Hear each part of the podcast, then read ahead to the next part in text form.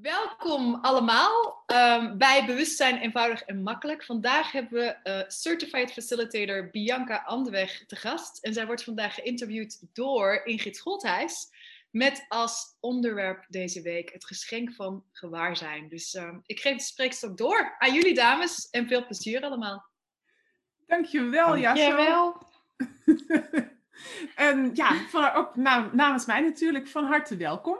En van harte welkom niet alleen aan uh, Bianca, maar ook aan alle andere deelnemers. Um, ja, we gaan een gezellige avond van maken. We hebben van de week al eventjes uh, even voorgebabbeld en uh, dat was al heel gezellig. En daarnet, zeg maar, de warming-up ronde was ook al heel gezellig. Dus het belooft een, een, een spannende en leuke avond te worden. Zo, nu hebben we de lat alvast heel hoog neergelegd. Durf je het aan, Bianca? Had ik jou gekozen voor dit interview? dit gaat absoluut lukken. uh, komt goed, komt goed. Ja, Bianca, um, jij, bent, jij bent Certified Facilitator en uh, jij hebt, uh, als ik het goed begrepen heb, samen met, met jouw partner Bert, heb je de, het bedrijf Innerlijke Kracht. En daar geven jullie, geven jullie allerlei access cursussen. Um, en wat is, wat is nou voor jou de drijfveer om, uh, om dit soort cursussen te geven? Wat maakt je blij? Cool. Het is eigenlijk een beetje begonnen uh, bij mezelf. Een aantal jaar geleden was ik zat in het onderwijs. Daar kom ik uh, qua roots vandaan, leerkracht. En op een gegeven moment ben ik directeur geworden van een grote school. En um, op een gegeven moment zaten er 520 kinderen op school en iets van 40 leerkrachten. En ik weet nog dat ik, eh, dat ik uit eten ging met een vriendin van mij en die zei van, hey, weet je dat jij verantwoordelijk bent voor meer dan 500 kinderen en zoveel leerkrachten? En op dat moment dacht ik echt, wauw. En toen besefte ik me eigenlijk hoe verantwoordelijk ik me voelde voor iedereen, voor het rijlen en zeilen om me heen en op de school. En een aantal jaar later uh, liep ik een burn-out op en kwam ik thuis te zitten. En uh, nou, de eerste paar maanden weet ik niet zo heel veel van. Dat is een soort zwart gat. En op een gegeven moment toen belde mijn vader en die zegt: Ja, ik heb een artikel gelezen en dat stuur ik je even op. Dat gaat over jou. Dus ik: Oké. Nou, dat artikel kwam en hij belde s'avonds. Heb je het al gelezen? Nee, nee, nee, pap. Nou ja, na drie avonden dacht ik: Nou shit, ik ga dat artikel maar even lezen. Want anders belt hij vanavond weer en dan weet ik het weer niet. En dat artikel dat ging eigenlijk over sensitiviteit. Dus wat we nu hoogsensitiviteit noemen en wat we binnen Access uh, hoog gewaarzijn noemen. En ik las zo eens dat artikel en ik dacht echt, oh, uh, misschien zegt dat wel iets over mij inderdaad. En ik vond het ook wel grappig, want ik ben de middelste van drie meiden. Dus ik mijn vader bellen. Ik zeg, hé hey pap, ik heb dat artikel gelezen, maar waarom ik? Hij zegt, ja, heb je het wel gelezen? dus ik, oh ja, daarom ik. Ja, en toen is eigenlijk een beetje het balletje gaan rollen. Dus toen ben ik een beetje op zoek gegaan van in eerste instantie, hoe kom ik ervan af? Want ik vond het vooral veel. Ik vond het uh, overweldigend. Ik dacht, ik moet tools om mezelf te beschermen, te verdedigen. Ik hoef al die ellende van alle andere mensen niet. Kortom, ik ging in een soort van bubbel. Ja, om eigenlijk na een paar maanden te ontdekken dat het eigenlijk helemaal niet werkte. En uh, ja, toen is de zoektocht eigenlijk begonnen. En dat is eigenlijk een beetje via NLP uh, bij Access uitgekomen. Ja, en wat is onze drijfveer met name wel? Uh, ik vind nog steeds de, de, de titel van Access Empowering People to Know That They Know. Dat vind ik echt zo'n mooie ondertitel eigenlijk. Dat ik denk van ja, wie heeft mij ooit in mijn leven zodanig gemotiveerd van hey, wat weet je eigenlijk zelf? Me zo in mijn kracht gezet door, door eigenlijk elke keer te zeggen, hey, je kan dat best zelf. Wat weet je al? En toen dacht ik, wauw, als je dat aan mensen en dan met name aan die kleine kids op de basisschool kan, kan meegeven. Dus dat is wel mijn grote drijfveer in de klas. Dus elke keer weer, hé, hey, wat weet je? Uh, wat kun je toevoegen aan je leven? Uh, ja, dat.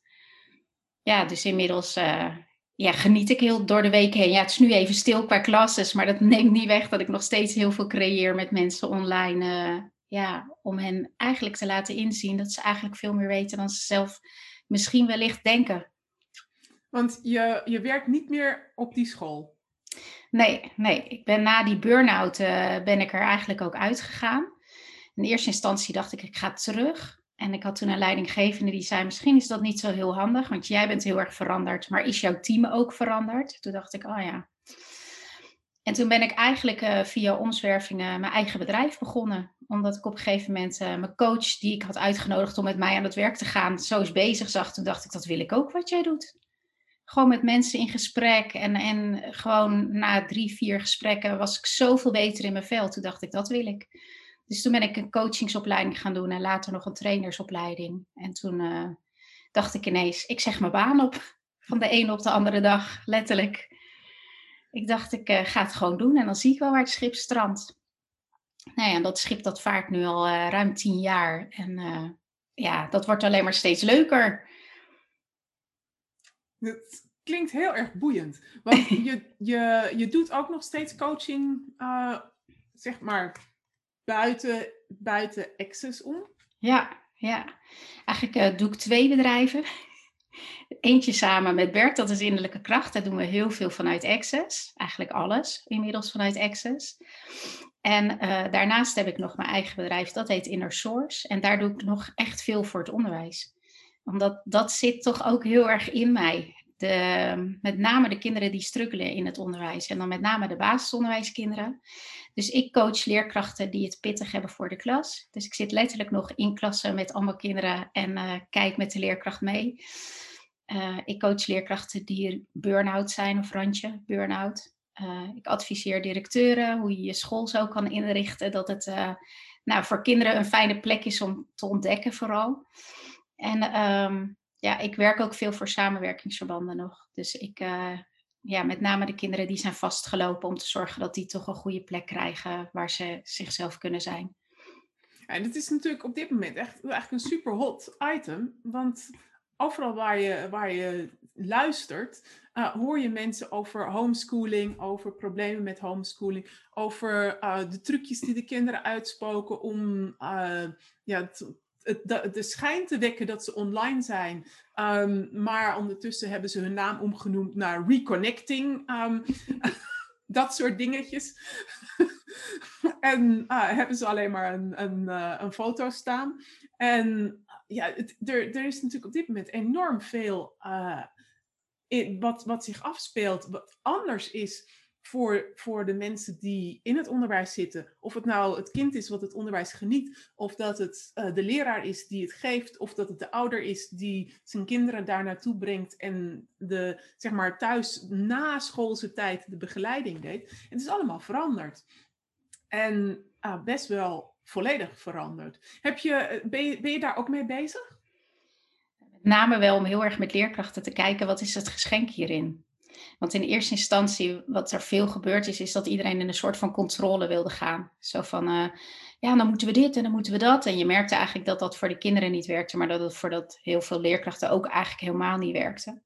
Dus waar ik op een gegeven moment echt met leerkrachten en met besturen ook over in gesprek, in gesprek gegaan ben, is werkt het huidige onderwijssysteem dat wij hebben ingericht, werkt dat eigenlijk wel zo goed?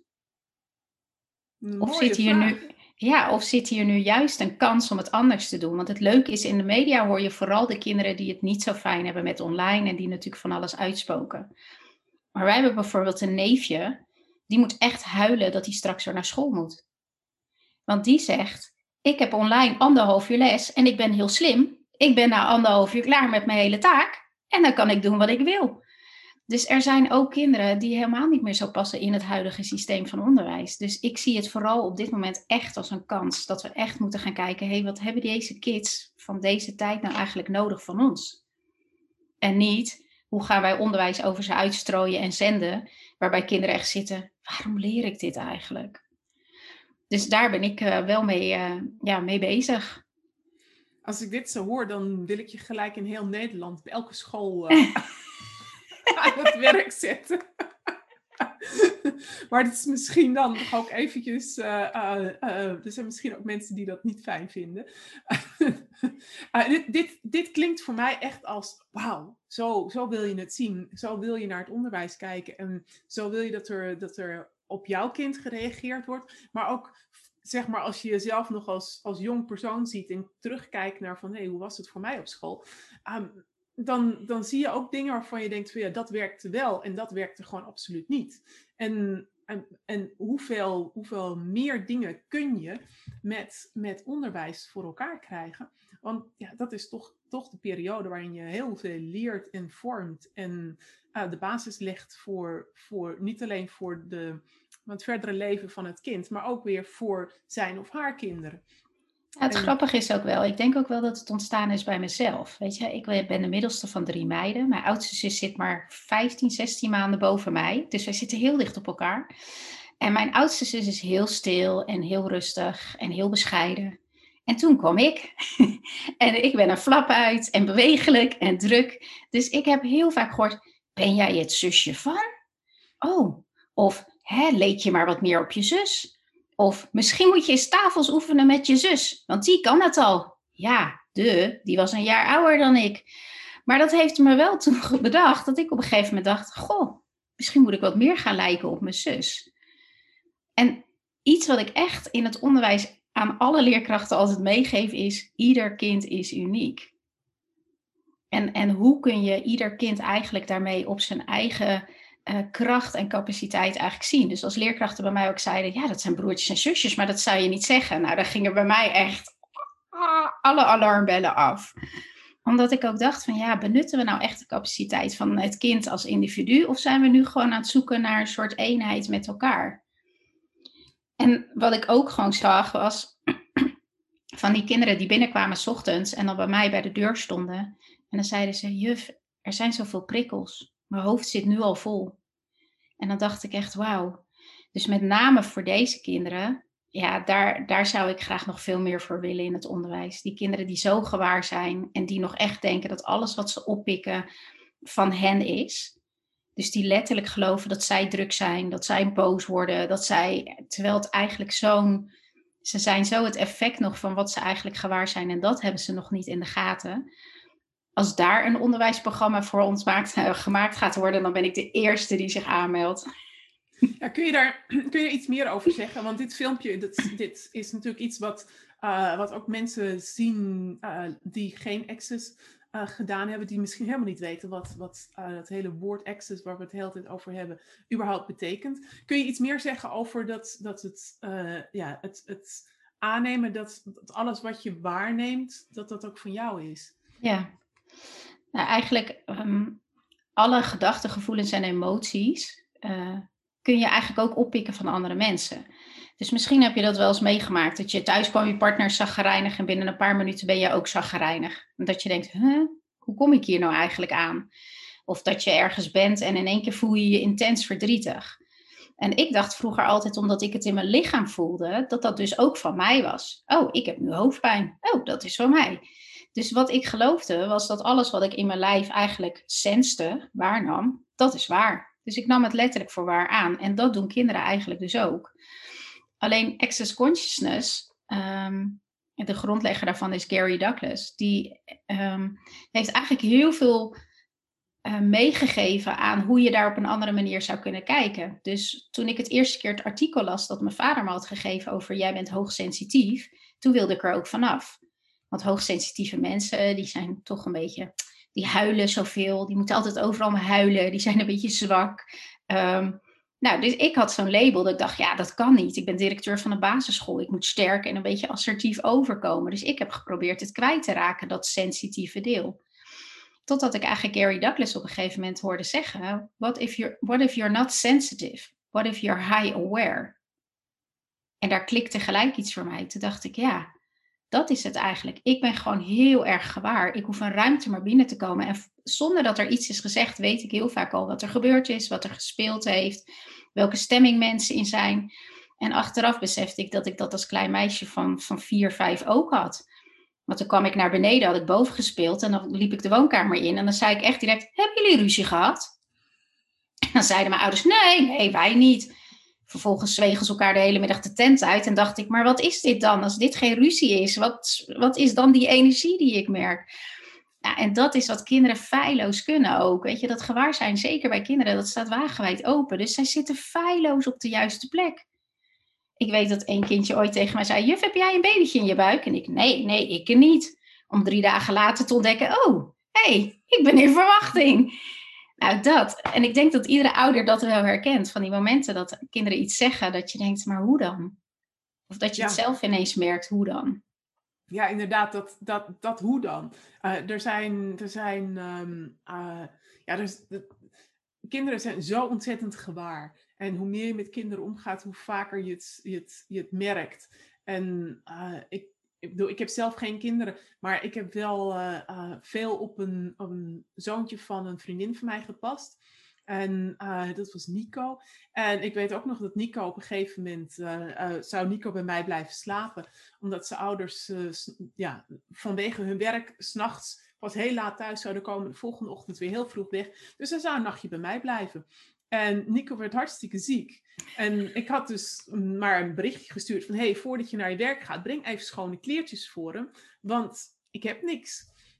En uh, dus zij zijn s ochtends uh, zijn ze langs gereden. En Nico staat in de kamer en zijn ogen gaan zo open en zegt: Papa, papa, auto. En ik was toen ontzettend, ja, ik was een beetje bang. Van ja, dadelijk gaat hij huilen of wat dan ook. Of wil hij met zijn ouders mee? Snapt hij niet dat zijn ouders weer weggaan? Dus ik heb toen gezegd: nee, is niet zo. Um, is van de buurman. En maar ik voelde me achteraf echt enorm rot daarover. Om, om dat gezegd te hebben. Uh, terwijl hij gewoon absoluut juist was. Ja. En dat, dat, ik bedoel, ik ken het verhaal, dit verhaal van mezelf. Maar er zijn natuurlijk heel veel andere mensen die ook dit soort verhalen hebben. Kinderen weten het gewoon. Ja, kinderen weten het ook. En, en wat, we, wat we nu ook doen, en dat lees ik ook in de chat. We, we plakken dus heel vaak ook labels op. En ik vond het ook zo mooi, hè? want soms krijg je zo'n label als ADHD, borderline. Want we proberen het natuurlijk wel allemaal te benamen, hè, wat het dan is. Maar ik weet dat als je mij vroeger had gezien, ik had zeker het stempel ADHD gekregen. Ik bedoel, ik denk dat ik leerkrachten nuts heb gemaakt in de klas met mijn bewegelijkheid en mijn praten. En ik kon echt niet stilzitten, maar mijn mond ook niet dicht houden. En ik denk nu wel eens, had je mij nu in deze klas neergezet? Ik had echt een stempel ADHD gekregen. Maar mijn moeder die zei ook bijvoorbeeld, jij kan met je emoties van 0 naar 100 in één seconde. Ja, borderline wordt daar heel vaak opgestempeld bijvoorbeeld, omdat je heel snel van stemming kunt schakelen en wisselen. Dus wat mensen doen is, ze maken het als het ware ook nog eens verkeerd. Dat, precies dat. Dat is het wat, uh, wat, wat, wat zeg maar daar het issue is. Um, waar, je, waar je mensen uit hun kracht haalt. Omdat je ze zegt van jij hebt een label. En dan vervolgens gaat vertellen van um, als, je, als je nou rustiger bent, dan lijk je normaler. Ja, dan lijk je meer op je zus. ja, dat dus, ja. Het is niet gelukt. Dat is een beetje jammer misschien, maar het is niet gelukt. Ik heb het heel erg geprobeerd. Ik ben er niet in geslaagd. Maar weet je wat ook zo leuk is? We blijven heel erg proberen om iedereen een beetje in dat midden te krijgen. Zeker ook in zo'n klas. En soms snap ik dat ook wel. Als je er 30 hebt, weet je, je, je kan niet altijd als leerkracht op alle 30 individuen ingaan. Dus je moet ergens ook wel naartoe. Alleen het bijzondere is, kijk naar de natuur. We maken foto's van de meest bijzondere, unieke vogels. Daar, gaan we voor, daar vliegen we de wereld over als we weten dat er daar een vogel is die heel uitzonderlijk is en je kunt hem fotograferen. Dan willen we allemaal de meest aparte foto van hebben. Wat als we dat naar mensen zouden doen? Wat als we de meest unieke mensen zouden fotograferen en zeggen: Moet je kijken, wauw, die is uniek en bijzonder, die speciaal. En dat we dat eigenlijk de maatstaf gaan maken. Ja, inderdaad als je, als je er zonder oordeel naar kijkt, dan zie je de dingen heel anders. En ook meer ontspannen. En dat geeft dan voor de ander ook weer mogelijkheden om zichzelf te ontspannen. En om te kijken naar wat er, wat er op dat moment werkelijk aan de hand is. Ja. Als, je, um, als je dit bekijkt in, in het uh, licht van de, van de scholen. Um, Kun je iets vertellen over, over een, een mooi iets waar, waar jij iemand toe hebt kunnen ja, uitnodigen, uh, inspireren? Uh, wat je hebt kunnen bereiken met, uh, met leraren? Ja, met leraren en ook wel met kinderen. Ik weet ja, dat ik allebei, in, de, ja. in de laatste waar ik zat, dat, daar was één jongetje en die kwam eigenlijk best wel vaak s ochtends. Hij is zeven. Je hebt wel eens vaker als kleutertjes op school komen dat ze moeten huilen. Maar bij hem, bij zeven, heb je dat niet zo heel vaak meer. Maar hij had af en toe echt, dan was het schreeuwen bij de voordeur.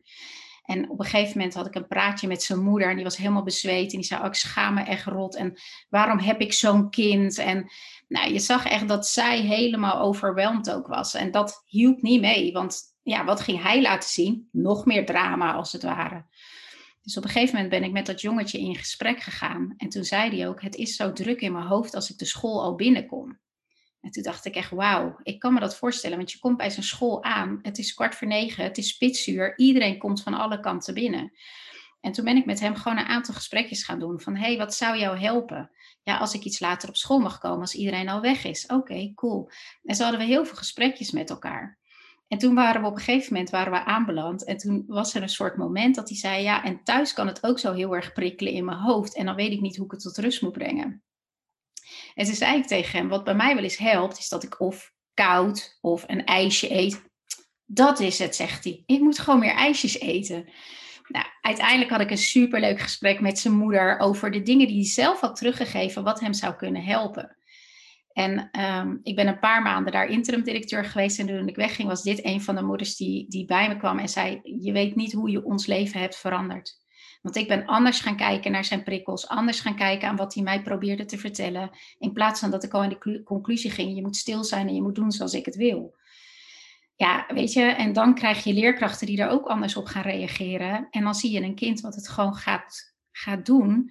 Eh, binnen het systeem met minimale eigenlijk aanpassingen. Want wat maakt het uit dat hij om negen uur binnenkomt of om tien voor negen als iedereen weg is? Weet je, wie heeft bedacht dat alles door diezelfde poort moet? Als dat een kind zoveel gemak geeft bij binnenkomst. Ja, en dat zijn wel de, wel de mooie momenten dat je met leerkrachten niet meer gaat kijken naar wat er misgaat, maar dat je gaat kijken naar wat er mogelijk is. Ja, inderdaad, zoeken naar oplossingen. zoeken naar oplossingen. Ja, ja, en vragen stellen aan kinderen. Serieus. Ze vertellen je echt exact waar het, waar het zit. Ja, dat is, dat is echt ontzettend mooi. En uh, hoe, hoe kun je dan een kind ook sterken? Want ik heb heel vaak van die spreuken gelezen van, uh, uh, wat is het, dat, het, dat wat je van jezelf raar vindt, waar je afwijkt, dat dat eigenlijk je sterke kracht is. Um, wat, hoe, hoe, kun je dat, hoe kun je dat nou inbouwen in, in, in zo'n gesprek? Mhm. Ja, eigenlijk doen we dat op school. Dat, dat is een gebied wat school wel aardig doet. Dus ze zijn wel heel erg bezig om kinderen juist in hun kracht te zetten. Daar heb je heel veel trainingen voor die dat ook wel doen. Maar wat je vaak ziet, is dat we aan de andere kant net zo hard weer een label opplakken. Dus aan de ene kant gaan we je zorgen dat je je sterk bent en dat je goed in je lijf zit en in je vel. Maar als je te druk bent, dan, dan bestempelen we je als ADHD en dus maken we je daarom dan ook gelijk verkeerd. Want kinderen zeggen ook heel vaak dan, mag ik mijn spreekbeurt houden over ADHD? En dan beginnen ze ook, ja, ik ben een beetje gek en raar. En dan denk ik, oh, jij bent gek en raar. Hoe bedoel je, ik ben gek en raar? Dus wat we met deze kinderen doen, is dat we eigenlijk veel gesprekken voeren over dat het bij hen anders werkt. Dus dat zij hun, hun brein anders werkt. Dat ze andere uh, creatieve manieren hebben om oplossingen te verzinnen. Dus we maken hun heel erg juist in plaats van het focus op wat er allemaal mis zou zijn, focussen we ze enorm op waar ze eigenlijk heel erg goed in zijn. Ja, en dan zie je bij kinderen is dat toch wel heel leuk, want die pikken ook echt wel snel op van oh, daar ben ik goed in. En daar zit minder twijfel of oordeel dan bij volwassenen. Dus het leuke is dat je dan op een gegeven moment ook zo'n kind ziet van, ja, ik ben heel erg druk, maar dat is ook gewoon altijd heel gezellig. En dan denk ik echt, ja, wauw, weet je wat als je met kinderen het dus zo eenvoudig eigenlijk kunt ombuigen en omturnen. Dus eigenlijk wat we doen is veel met kinderen in gesprek over wat is je kwaliteit? Waar, waar straal jij in uit? En bij de een is dat rekenen en bij de ander is dat echt een brein wat ja, ongekende mogelijkheden kent en ziet. Ja, ja, en, en ik bedoel, een van, de, van Nederlands uh, misschien wel bekendste uh, drukke personen is natuurlijk Jochem Meijer. En daar wordt grof geld voor betaald om naar zijn shows te kunnen. Uh, en, en dus ja, die heeft, heeft wat dat betreft ook zijn ADHD. Um, tenminste, ik ga er maar vanuit dat het, dat het daar vandaan komt, zonder, zonder daar zeg maar geschoold voor te zijn of er vragen over gesteld te hebben. Maar zijn drukte, uh, die weet hij om te draaien in iets waar hij waar die geld mee kan verdienen en ook nog eens zelf heel veel plezier aan kan beleven. Ja. En eigenlijk doen we dat ook met, met kinderen, maar ook wel, weet je, ook als ik mensen coach, is dat het eerste waar ik naar op zoek ga. Wat is je kracht? En dat doe ik ook als ik bij leerkrachten in de les zit. Niet alle leerkrachten geven op dezelfde manier les, maar dat hoeft ook helemaal niet. Dus het eerste wat je doet is gaan kijken met mensen waar is je kracht. Dus mensen die heel erg verkeerd zijn gemaakt of heel erg hebben opgepikt dat anderen hen verkeerd hebben willen maken, eerst in contact laten maken met hé, hey, wat is nou mijn capaciteit? Waar ben ik heel erg goed in? Want daar, daar gebeurt eigenlijk de verandering. Weet ik had vandaag ook een super mooi gesprek met iemand. En ja, weet je, dan zie je iemand zichzelf zo klein maken. En dan ga ik op zoek van, hé, hey, maar, maar hoe slim ben je eigenlijk? Nou, die vraag, dat is al een soort nadan. Ja, ik, ik ben gewoon. Ik zeg, oké, en wat is dan gewoon slim? Weet je, en dan ga je levelen naar dat ze uiteindelijk gaan zien van, ja, misschien ben ik wel gewoon heel snel en heel slim. Als ik heel eerlijk ben naar mezelf toe. Dus dat vind ik ook zo mooi om mensen daarin te versterken van hé, hey, maar wat is nou werkelijk eigenlijk hoe het is voor jou? Ja, dat is, dat is, dat is super mooi natuurlijk. Dat, uh, uh, die, op het moment dat je dat in mensen naar boven kunt halen en die ontwikkeling kunt zien, dan kun je ook gaan zien van oké, dan, dan kun je zien hoe ze zich verder gaan, gaan ontpoppen, zeg maar ja. verder gaan ontwikkelen. dat is natuurlijk prachtig. Ja, en, en wat dat betreft past het natuurlijk ook supergoed bij, uh, bij de naam innerlijke kracht. Uh, ja, wat, uh, wat is jouw kracht? Wat, is, wat, wat heb jij in je? Wat is, dus dat is, is dat ook de, de reden waarom jullie op de naam innerlijke kracht zijn gekomen? Nou, nog niet eens zozeer, want innerlijke kracht was er eigenlijk al voordat we iets zijn begonnen met Access Consciousness. Okay. Dus dat was er al eerder. Dus achteraf moesten we daar ook wel weer om lachen. Ehm, maar soms is het ook best lastig om te zien wat je eigen capaciteit is, omdat het voor jezelf eigenlijk heel gewoon is. Dus um, ik weet nog een aantal maanden geleden dat Rachel O'Brien was bij ons en toen zei ze op een gegeven moment, you're freaking fast. En dat, voor mij was het echt een soort mic drop. Ik zat er, wat? You're freaking fast. En ik dacht, wat bedoelt ze nou eigenlijk? Toen zei ik, nee joh, ik zeg, ik heb alleen maar gehoord dat ik snel afgeleid was, niet goed opletten, uh, traag was. En zij zat echt, are you kidding me? Weet je, gewoon zie je niet hoe snel jij bent. En toen op een gegeven moment dacht ik, en toen vroeg ze de vraag, ging het voor jou op de lagere school misschien niet snel genoeg? En toen dacht ik echt, oh dat is het. Als iemand niet snel genoeg praat of als een film te langdradig is, ik ben weg. En niet maar gewoon, het gaat gewoon niet snel genoeg. En daar hadden wij het natuurlijk samen even over van de week. Dat jij zei, ja, soms zet ik gewoon de snelheid van iemand zijn spraak op anderhalf. En dan denk ik, ja, voor mij zou dat ook een briljante oplossing zijn. Dus hoeveel van mijn lagere school, schooltijd dacht ik gewoon, krk, dit gaat traag. En was ik me al gewaar van wat je nog allemaal nog meer zou kunnen doen. Vind ik nog steeds hoor, nabeschouwingen of napraten van iets wat gebeurd is, denk ik echt, wat heeft dat voor nut? Wat een onzin. Ga lekker gewoon hup doorcreëren. Verder. Ja, zoek naar de, zoek naar de mogelijkheden. Zoek naar de oplossingen. Inderdaad. Ja. Dus het leuke is, je zou, en dat, dat, dat doe ik ook veel, je zou kunnen vragen aan iemand van, hé, hey, uh, wat gaat jou gewoon heel gemakkelijk af? Ja. Gewoon, wat is easy voor jou om te doen? En dat is vaak waar ze zelf niet eens in de gaten hebben, dat ze ook weer in uitblinken. Ja, en dat, dat is natuurlijk ook iets dat als ik kijk naar, naar mijn, zeg maar, hoe, hoe ik zeg, hier in mijn leven ben gekomen. Um, ik heb eigenlijk alleen maar bij, bij Access de vraag gehoord van, hé, hey, waar, waar ben je goed in? Uh, wat, wat zou je kunnen doen? En ik heb tot, tot die tijd in mijn leven was het van, kreeg je dingen te horen van, uh, dit moet er gedaan worden. Um, Soms was het, kan je dat? Vaak was het, doe dat. Omdat je in dienst was uh, bij dat bedrijf of, of hè, noem het maar op. Um, of dat het je ouders waren. Maar de, de, de vraag werd eigenlijk nooit gesteld. Is dat ook iets wat je, wat je in het onderwijs echt in kunt brengen als, uh, als persoon Bianca aan de weg? Of zitten ze daar nog te veel in een stramien waar ze zich vast moeten houden? Nou ja, dat is denk ik wel in de laatste paar jaren. Kijk, wij zijn natuurlijk al wel wat van een oudere generatie, om het maar zo te zeggen. De laatste paar jaren zien ze dat, dat, ik, dat doen ze wel veel met kinderen. hey, waar ben je goed in? Waar ben je sterk in? En wat is jouw kwaliteit? Dus dat zie je wel heel erg ontstaan. Maar met name ook, hè, we, we hadden het een beetje over het begin ook over gewaar zijn. Dat hele stuk, dat kinderen zichzelf nog verkeerd maken om alles wat er qua gevoel, gedachten door hun lijf heen gaat en wat er op een gegeven moment uit moet, letterlijk uitbarst. Dat is een stuk waar het onderwijs nog wel echt, ja, denk ik, echt een mooie slag zou kunnen slaan. Want hoeveel van die kinderen zitten niet klem en, en hebben weer iemand geslagen en krijgen daar enorm voor op hun kop, terwijl het al niet eens van hen was. Weet je, dus ik zou echt heel graag, en zeker ook wel de laatste maanden, ben ik heel veel bezig om voor kinderen, en ik, ik noem dat dan, binnen Access noemen we dat het, de X-Men kinderen, dus de kinderen met labels. Ja, die gaan nu naar een speciale school. Ik heb de afgelopen maanden dossiers gelezen van kinderen waarvan ik dacht, oh, konden we met de Access Tools, wat een wereld zouden we van verschil zouden we voor deze kinderen kunnen zijn. Dus ja, zeker in dat stuk, daar ligt nog wel een heel gebied wat we zouden kunnen winnen. En wat, wat um, ja, hoe kun je nou zo'n kans creëren om zoiets in een school te, te, te, of al is het bij de ouders te brengen? Het leuke is, ik ben nu langzaamaan begonnen om access bar sessies te geven bij leerkrachten. Dus ik heb nu één schoolbestuur die zegt ook, uh, dan bellen ze mij op van hey, we hebben een leerkracht en die zit niet lekker in zijn of haar vel, wil jij coachen? En dan zeg ik dat is oké. En jullie weten, ik coach niet op de reguliere manier. En dan beginnen ze al te lachen, want dan weten ze dat het ook kan zijn dat ik op een gegeven moment met degene die coacht, dat we besluiten op de tafel te liggen en gewoon access bar sessie te doen. Zodat het lichaam kan loslaten wat er allemaal opgeslagen ligt. Want ik merkte al dat gepraat, ze weten het echt wel. Ze weten vaak al wel heel erg hoe het zit, alleen het zit zo vast in het lichaam.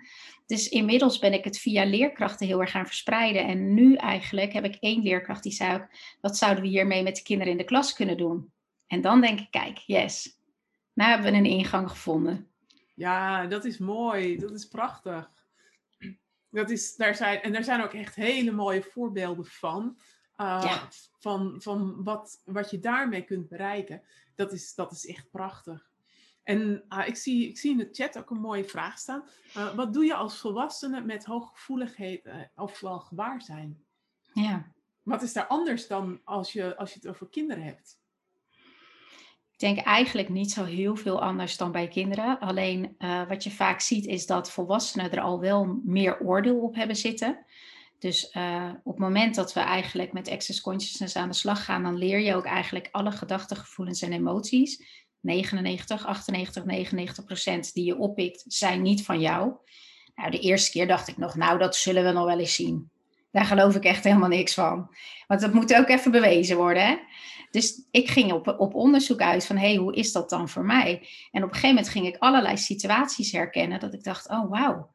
Bijvoorbeeld, uh, Bert stond een keer in de badkamer en die zei, oh, ik voel me echt niet zo lekker. En dat ik zei, oh, oké. Nou, vervelend. Nou, ik loop de kamer in en ik denk, oh, ik ben ook misselijk. Het eerste wat ik dacht was, oh, misschien hebben wij iets verkeerds gegeten. En toen dacht ik, wacht even, iets met oppikken van gevoelens, gedachten van andere mensen.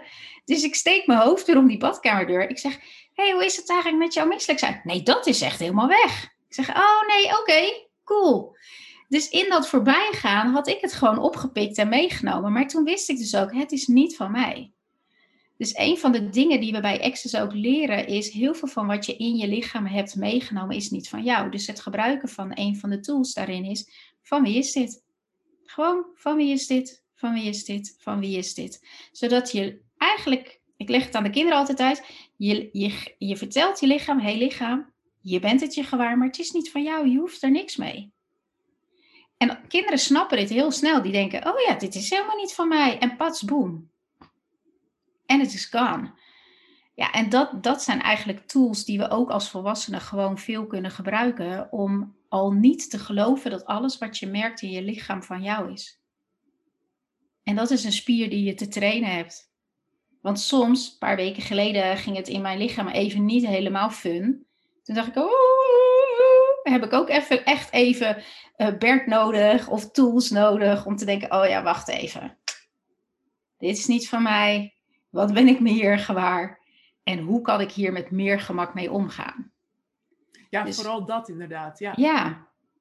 Weet je, soms ben je het je gewoon gewaar, maar ik ben echt zo'n problem fixer. Ik wil er dan ook gelijk iets mee. Terwijl soms is het gewoon even present ermee zijn in de allowance. Gewoon, oké, okay, wauw, wat ben ik me hier gewaar. Ja, en dan wordt inderdaad gewaarschijn, kan ook gewoon tot een geschenk worden. Dan wordt het eigenlijk een geschenk. Kijk, en heel vaak eh, is het al zo, weet je, dat je, uh, je rijdt ergens en je denkt, oh, misschien moet ik die weg vandaag niet nemen. Dan ga ik de andere kant op om later te horen dat daar een ernstig ongeluk is gebeurd. Dat je denkt, oh, zo, nou, dat, dat kwam even goed uit, laat maar zeggen. Dus wat we vaak nog niet eens doorhebben, is hoe vaak we van dat soort stemmetjes of ingevingen eigenlijk hebben, die ons ja, eigenlijk al een soort weten, raad geven van hey, doe dit, doe dat niet, dat is goed voor jou. Als kind bijvoorbeeld, ik rook aan eten. Als kind. Als mijn moeder zei, wat wil je op je brood? Dan rende ik naar beneden en dan deed ik allerlei potjes open. En dan zei ik op een gegeven moment, oh, pindakaas. Maar ik kon niet zomaar zeggen wat ik wilde eten. Ook niet, wat wil je morgen eten? Geen idee. Vind ik ook knap, mensen die de hele week boodschappen doen. Nou, ik zou het niet kunnen, want ik weet nog niet wat mijn lichaam morgen wil eten. Maar ja, het was natuurlijk heel vreemd als je 16 bent en je gaat aan al het voedsel ruiken. Ja, en in een restaurant is dat een soort nadan dat je eerst even in de keuken kon snuffelen. Dus ik heb dat afgeleerd. Maar eigenlijk nu door Access doe ik het weer heel veel. Dus ik doe echt weer de koelkast open en dan ruik ik even kaas, worst, pindakaas, weet ik veel wat. En dan denk ik, oké, dit is het. Dus hoe kun je het gebruiken voor je in plaats van tegen je? En dat het niet gek is dat, je, dat jij een snuffelaar bent. Ik ja. wil zeggen, hondjes snuffelen ook graag. En die worden dan ook door heel veel mensen aangehaald. En, Precies. Oh, wat is lief. en dat mogen we dan weer niet bij jou doen. Kom maar door. Morgen? Zeker, zeker. Oh, heerlijk zeg. Ja, ja het, is, het, het, het is inderdaad het is ook een soort van spelen met en een, en een um, het is ook een soort van, zou ik zeggen, ja, een soort van, van ontdekkingsreis, vind ik zelf. Van, van dingen die je leert, die je eigenlijk had moeten leren toen je ja, veel jonger was, toen je kind was. Um, en waarvan je nu denkt, oh, wacht eens eventjes. En wat voor mij eigenlijk het meeste opvalt, en daar ben ik eigenlijk heel benieuwd naar hoe dat voor jou is, dat bij mij komt het heel vaak pas binnen op het moment dat iets zo extreem anders is of negatief is, dat ik denk, ah. En dan, zie ik, dan ga ik ook de, de, de subtielere dingen zien. Maar op de een of andere manier moet ik eerst dat, die, zeg maar, die dreun uh, beleven voordat ik, voordat ik door heb. Oh, wacht eens eventjes. De subtiele manier is ook mogelijk. Hoe is het voor jou? Nou, ik kan uh, dingen groots en meeslepend creëren. Dus het is niet een beetje hoofdpijn, het is gelijk zo heftig dat het tot aan ellende, spugen en alles aan toe is.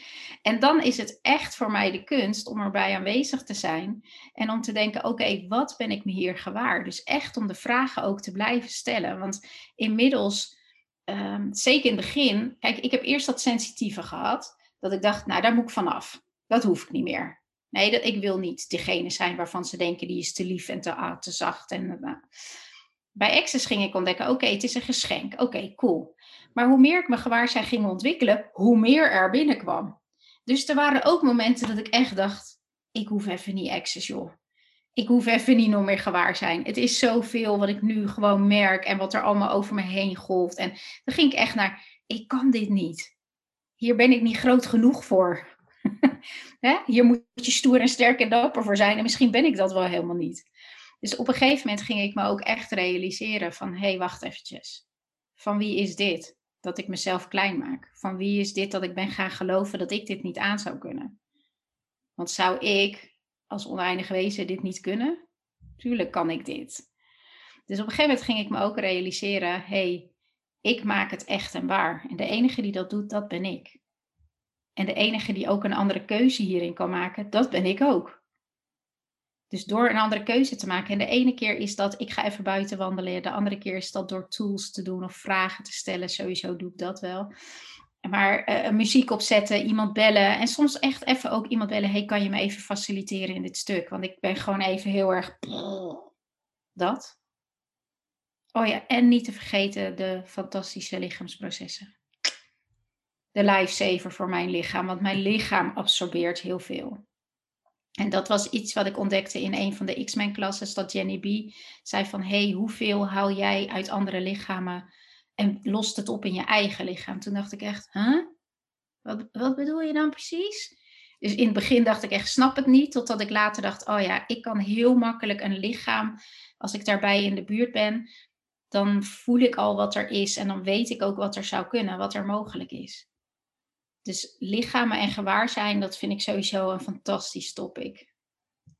Ja, is, is, is het natuurlijk ook. Dat kan ik alleen maar beamen. Ja. ja, dus ook op de vraag in de chat van ja, hoeveel met je lichaam ben je eigenlijk ook gewaar? Uh, wat je eigenlijk vastzet in je, in je lijf. Dus hoe groot is je gewaarzijn niet alleen van alle gedachten, gevoelens en emoties, maar kun je letterlijk met je lichaam dingen absorberen. En welke informatie kun je eruit halen? Exact dat. En ik weet dat Gary Douglas op een gegeven moment ook zei: Het kan ook anders. Hè? Je hoeft het niet eerst in je eigen lichaam te trekken, daar op te lossen. Dat is niet zo heel slim. Hij noemde dat soort cute en not so bright. En ik gooi er altijd in blond. in mijn geval. oh ja, daar ging het domme blondje weer. Maar gewoon als even een geintje van: hey, cutie pie, het kan ook anders. Weet je, het hoeft niet allemaal dat het in jouw lichaam zo intens hoeft te worden. Ja, inderdaad. Wat als je het echt als, naar, als een geschenk kunt zien, als een, als een geschenk kunt, kunt waarderen ook. Dat is, uh, bedoel, je kunt wel tegen jezelf zeggen van, uh, ik moet het zien als een geschenk, maar dat klinkt niet heel erg overtuigd. Um, maar op het moment dat je het inderdaad kunt zeggen van, ja, uh, ik, het, ik zie het ook, al, ik waardeer het ook als geschenk, uh, denk, dan kom je er natuurlijk een stuk verder mee. Nou ja, zeker op het moment dat het natuurlijk makkelijk gaat in je leven. Hè? Als het lekker float en het zit allemaal in de lift, dan is het heel makkelijk. En dan is het easy peasy. Maar ik heb juist ontdekt op de momenten dat het wat zwaarder wordt of wat lastiger wordt. Wat heb ik me eigenlijk al die jaren ontzegd? Wat heb ik al die jaren gestruggeld zonder deze tools? Dus voor mij, voor mij zit het geschenk van gewaarzijn echt dat ik Ehm, meer mijn eigen leven echt aan het, ja, redigeren is niet helemaal het goede woord, maar dat ik echt meer kan creëren in mijn eigen leven vanuit dat gewaarzijn. Hé, hey, wat weet ik hier over deze persoon? Wel of niet of mee in zee gaan? Wel of niet in ons team toevoegen? Wat gaat dat voor een bijdrage zijn voor ons team? Is dat een energie die we nu nodig hebben, niet of wel? Dus het geeft je zoveel mogelijkheden waar ik voorheen altijd dacht, ja, ik weet het niet. Is het nu gewoon, ja, dat zeg ik eigenlijk nooit meer. Wat weet ik hier? Ja. Dus dan, als je op die manier je leven gaat creëren vanuit dat gewaarzijn en vanuit het vertrouwen dat het universum altijd, maar dan ook altijd je rug heeft. Maar dan ook echt altijd. Dat is echt heel geruststellend. Dat is heel geruststellend. Maar ik ben ook terug gaan kijken, want ik heb in mijn leven best wel wat, wat intense gebeurtenissen meegemaakt. Waarvan ik dacht, oh, dit, dit, dit kan ik niet, dit overleef ik niet, dit kan ik niet dragen of wat dan ook. En dat ik dan terugkijk nu en denk, er was altijd of iemand of iets wat zich oploste. Of er is echt altijd zo fantastisch voor me gezorgd. En niet in het voorkomen van de, van de nare momenten of de heftige gebeurtenissen, maar wel in hoe er eigenlijk om mij heen toch voor mij gezorgd is. Dat ik denk, wauw, ik kan er echt niet om me heen dat het universum echt je rug heeft. Ja, prachtig, prachtig. Ik ga eens even kijken of er nog mensen zijn in de chat die vragen hebben.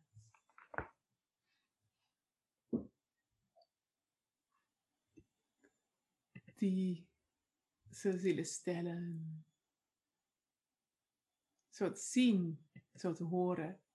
Voor dit moment even niet. Um, ja, ik zit even te denken. Ik, eh, aan, aan de ene kant ben ik ontzettend benieuwd uh, wat, wat jij allemaal gaat, uh, gaat creëren in de toekomst. En uh, wat voor invloed jij mag gaan hebben op het schoolsysteem. is, is voor mij echt zoiets waarvan ik. Oh ja, ja, ja. ik heb geen kinderen op school, maar ik vind het zo prachtig om te zien om. ja, hoe, hoe, met hoeveel gemak je gewoon een hele generatie kunt opvoeden met, met hele makkelijke dingen. Dus inderdaad, mensen gewoon in hun kracht te zetten. Uh, en, en mensen te laten zien dat, dat ge gewaarzijn gewoon echt een geschenk kan zijn. En als je dat kinderen meegeeft, uh, dan, dan is het niet die last die op hun schouders ligt, maar dan is het oké, ik kan wat creëren. Wat kan ik hiermee creëren? Dus ik ben ontzettend benieuwd naar uh, wat, we, wat we verder van, uh, van Bianca gaan, gaan zien in de toekomst. En uh, ja, is er, is er iets waar je, waar je mee aan het werk bent, waar je wat over wilt vertellen? Of zeg je van nou, de toekomst? Ja, niet, ja, weet je, specifiek meer dat ik denk dat we met elkaar al iets in werking hebben gezet. Dus de afgelopen maanden, zeker voor mensen die heel gewaar zijn geweest, zijn, en is het best een intense periode geweest. Met alles wat je oppikt en van alle stemmingen, emoties en dat soort dingen. Maar wat ik er echt heel erg uithaal, is dat er een, er is een golf losgebarsten bijna van bewustzijn. En mensen vinden elkaar steeds makkelijker. En ik geloof echt dat ook er nu heel veel ouders zijn die vanuit bewustzijn hun kinderen aan het opvoeden zijn. En die golf is niet meer te stoppen. Dus ik geloof dat we met elkaar al iets aan het creëren zijn van een totale omslag. COVID is er niet voor niks. Het, dit, zou natuurlijk enorm, als je denkt in mogelijkheden, uh, ik wou possibilities zeggen, maar als je denkt in mogelijkheden, uh, dan, is, dan, dan is nu natuurlijk, zeg maar, alle heilige huisjes zijn in één uh, aan de kant geschoven, want er is COVID. En ja, dat, dat betekent dus ook dat ook alle obstakels die er tot nu toe waren, van dat is niet bewezen, dat kunnen we niet, want, is allemaal weg. Ja. En ik ben, ben eigenlijk heel erg benieuwd wat we, wat we inderdaad niet alleen op dit gebied, maar ook op allerlei andere gebieden kunnen gaan creëren, waardoor we een mooiere wereld kunnen maken, uh, of de wereld nog mooier kunnen maken dan die al was. Precies dat. En ik geloof echt dat dat is al, dat ontspruit nu zo hard, dat is gewoon niet meer tegen te houden. Dat zie je in alles. Dus ik heb echt zoiets van, uh, nou, kom maar op consciousness. Ja, Inderdaad. Verover de wereld. Echt. En ik zou ook zeggen, kom maar op, uh, schooldirecteuren. exact. Allemaal naar Bianca. ik denk graag mee. ja, en, en wat, voor, wat voor gave kun je zijn op, op dat gebied? En hoe kun je, hoe kun je inderdaad uh, het, het bij mensen duidelijk maken dat dat er gewoon ideeën zijn, dat er mogelijkheden zijn die je kunt implementeren, die met heel veel gemak kunt gaan omzetten, waardoor je het leven van en de leraar makkelijker maakt en voor het kind makkelijker maakt en het kind zeg maar gesterkt en vol zelfvertrouwen um, van, van die school afkomt en naar de volgende school gaat, dus de volgende stap in zijn leven kan zetten of in zijn volgende uh, leerjaar kan, uh, kan meenemen. Dus um, als er geen, geen andere vragen zijn, uh, waar kunnen al die directeuren en alle andere mensen, die, uh, alle ouders die thuis zitten en denken, dit wil ik weten, ik wil hier meer van weten. Hoe kunnen ze dit bereiken? Ik denk het handigst via www.innerlijkekracht.nl. Dat is een hele makkelijke. www.innerlijkekracht.nl. Die kan ik zelfs herhalen. ik zou zeggen, Bianca, ontzettend bedankt. Uh, ik vond het heel erg leuk om dit verhaal te horen. En ik ben ontzettend benieuwd. En ik weet ook zeker dat, uh, dat wij met z'n tweeën in elk geval nog een keer gaan, uh, gaan babbelen. En kijken van, oké, hoe is het nu? En wat is er nog meer mogelijk? En waar kunnen we Bianca nog meer inzetten en introduceren? En laten zien wat, wat zij allemaal kan. En wat ze allemaal gedaan heeft. Um, dus ja, ontzettend bedankt. En dank jullie wel, toeschouwers. Uh, ontzettend leuk om jullie erbij te hebben. En dank jullie wel voor de vragen in de chat. En ik zou zeggen, ja, mochten er nog vragen opkomen, www.innerlijkekracht.nl of zoek Bianca op op Facebook. Je vindt er wel ergens. En schrijf er, neem contact met haar op, schroom niet. En uh, ja, laat wat van je horen. Dankjewel Ingrid. Superleuk.